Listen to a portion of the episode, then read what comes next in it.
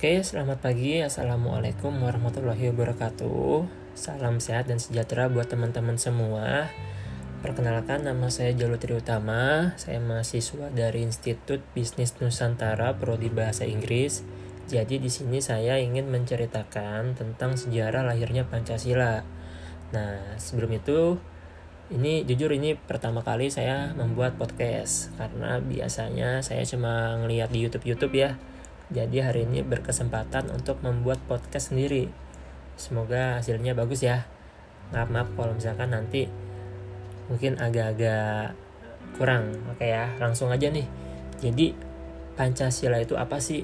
Ya, saya yakin teman-teman semua sudah tahu Pancasila, sudah paham, bahkan sudah hafal Pancasila. Nah, jadi gini teman-teman semua, Pancasila itu merupakan pandangan hidup bagi bangsa Indonesia yang asas-asasnya wajib diamalkan agar tercipta kehidupan yang aman dan tentram serta selaras dengan perintah Tuhan Yang Maha Esa. Selain itu, kita sebagai warga negara yang baik, kita juga harus mengetahui dan memahami, bahkan kita harus bisa mengamalkan dari nilai-nilai Pancasila tersebut agar kita bisa menghargai dan menjunjung tinggi nilai-nilai dari Pancasila.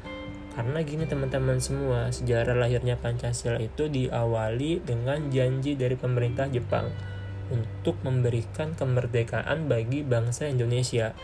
Nah, peristiwa ini terjadi pada tanggal 7 September 1944. Dalam sidang parlemen waktu itu di bawah pemimpin Perdana Menteri Jepang menyatakan bahwa Jepang berjanji akan memberikan hadiah kemerdekaan untuk Indonesia. Lalu apakah kemerdekaan Indonesia merupakan hadiah dari Jepang? Tentu bukan. Pahlawan telah berjuang melawan penjajah dengan memanfaatkan berbagai kesempatan dan anugerah dari Tuhan Yang Maha Esa.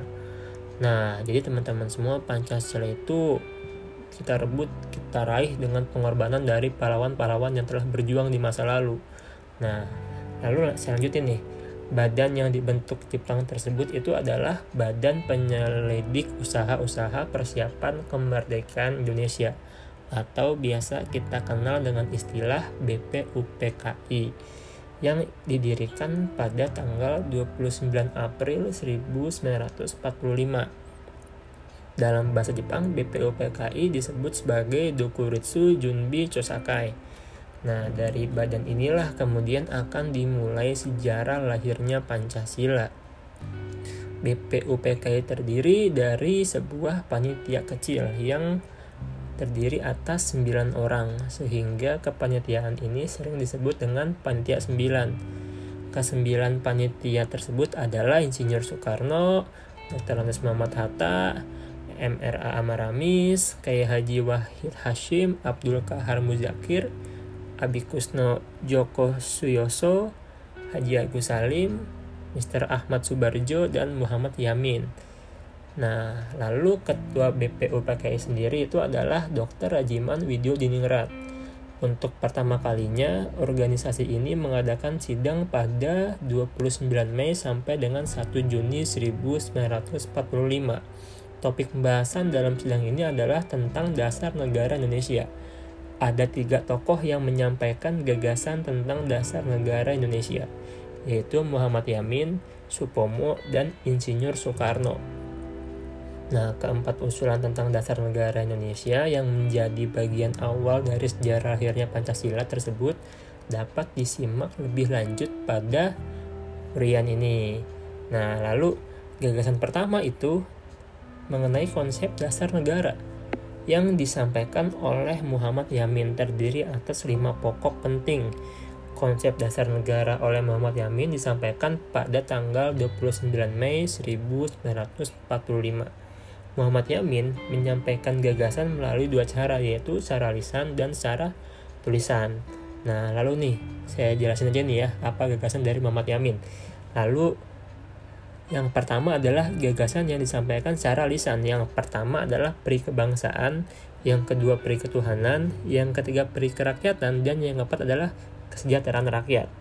Nah, lalu konsep yang disampaikan secara tertulis adalah yang pertama ketuhanan yang Maha Esa, yang kedua kebangsaan persatuan Indonesia, ketiga rasa kemanusiaan yang adil dan beradab, Keempat, kerakyatan yang dipimpin oleh hikmah kebijaksanaan dalam permusyawaratan perwakilan.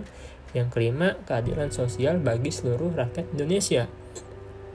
Nah, lalu itu adalah konsep yang disampaikan oleh Muhammad Yamin. Nah, selanjutnya ini apa konsep yang disampaikan oleh Supomo. Nah, konsep yang disampaikan oleh Supomo itu adalah yang pertama persatuan, yang kedua kekeluargaan, ketiga keseimbangan lahir batin, keempat musyawarah, yang kelima keadilan rakyat. Nah, yang terakhir adalah konsep negara oleh Insinyur Soekarno. Yang pertama adalah kebangsaan Indonesia, yang kedua internasionalisme atau perikemanusiaan, yang ketiga mufakat dan demokrasi, yang keempat kesejahteraan sosial, dan yang kelima adalah ketuhanan yang berkebudayaan.